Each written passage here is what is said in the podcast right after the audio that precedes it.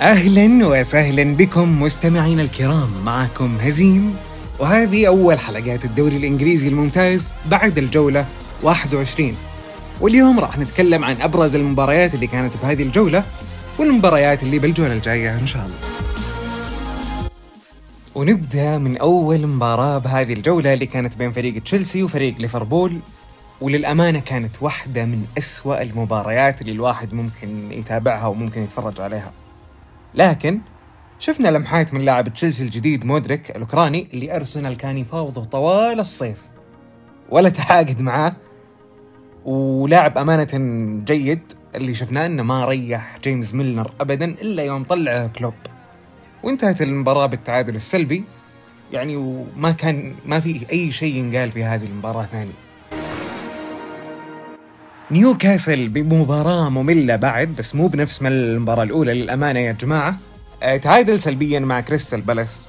فريق نيوكاسل صلب جدا دفاعيا وأقوى خط دفاع بالدوري الإنجليزي هذا الموسم. ب 12 clean sheet إيدي هاو مسوي شغل عظيم جدا مع نادي نيوكاسل وأتمنى فعلا إنهم يخلصون بمقعد مؤهل لدوري أبطال أوروبا. مانشستر سيتي حامل لقب الدوري الإنجليزي لعب ضد ولفرهامبتون وبالعادة السيتي يعاني ضدهم. لكن بوجود ايرلينج هالاند يا جماعة ذا اللاعب قوي جدا سجل هاتريك والهاتريك رقم أربعة له بهذا الموسم في الدوري الإنجليزي. وبكذا يصير متساوي مع سواريز ورونالدو بعدد الهاتريك في الدوري الإنجليزي. وحققها كلها بموسم واحد بس. وصل للهدف 25 بعد 21 جولة بس. أنتم مستوعبين الرقم يا جماعة؟ والله كثير.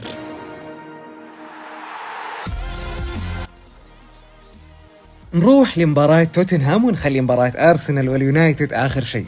توتنهام لعب ضد فولهام وانتهت المباراة بنتيجة 1-0 لتوتنهام سجله اللاعب هاري كين. مستوى كونتي للأمانة مع الفريق مرة فوق مرة تحت. ما ينعرف لتوتنهام هذا الموسم. أداءه كان سيء للأمانة في هذه المباراة لكن جاب الفوز وهذا هو أهم شيء. نجي لمباراة الجولة. للأمانة كانت مباراة الجولة 21 أجمل مباراة فيها كانت مباراة أرسنال ضد مانشستر يونايتد واللي انتهت بنتيجة 3-2 للمتصدر أرسنال. كانت مباراة ممتعة واللي فوتها حاب أقول لك يعني راحت عليك وجبة كروية دسمة جدا يا عزيزي. بدأت المباراة بخطأ من توماس بارتي اللي أخطأ قدام ماركوس راشفورد. وراشفورد ما صدق خبر. عشان يعطيه كبري ويشوت كورة صاروخية سكنت شباك حارسي مرمى أرسنال رامزديل والنتيجة تصير 1-0 للمانيو بالدقيقة 17 وأكثر حاجة لفتت انتباهي للأمانة بعد الدقيقة 17 وبعد هدف ماركوس راشفورد بالتحديد. حاجة جميلة جدا بأرسنال. هذا الموسم لاحظتها كثير. اللعيبة يشيلون بعضهم يا جماعة. يعني ما في مشكلة غلطنا مرة. عادي نعوض ما في أي مشكلة. عشان كذا ما شاء الله تبارك الرحمن أرسنال بالصدارة. وسجل هدف الأرسنال الأول وهدف التعادل اللاعب إدوارد نيكيتيا بالدقيقة 24 وانتهى الشوط الأول بالتعادل الإيجابي واحد واحد. وبدأ الشوط الثاني وسجل اللاعب بوكايو ساكا هدف جميل جدا بالدقيقة 53 للأمانة ذكرني بأهداف آريان روبن وما تأخر رد مانشستر يونايتد. جاب الدقيقة 59 ومن أقصر لاعب عندهم تقريبا اللي هو ليساندرو مارتينيز برأسية بعد خطأ من الحارس رامزديل ومن بعدها تقريبا أرسنال ضغط بشكل مهول على المانيو لكن المانيو كان واقف صح دفاعيا لين الدقيقة الأخيرة. كانت تسديدة من النرويجي أوديغارد اللي ضربها ايدي نكيتيا بكعبه وسجل الهدف الثالث للأرسنال لتنتهي أمتع مباراة لهذا الموسم بنتيجة 3-2 لنادي الأرسنال.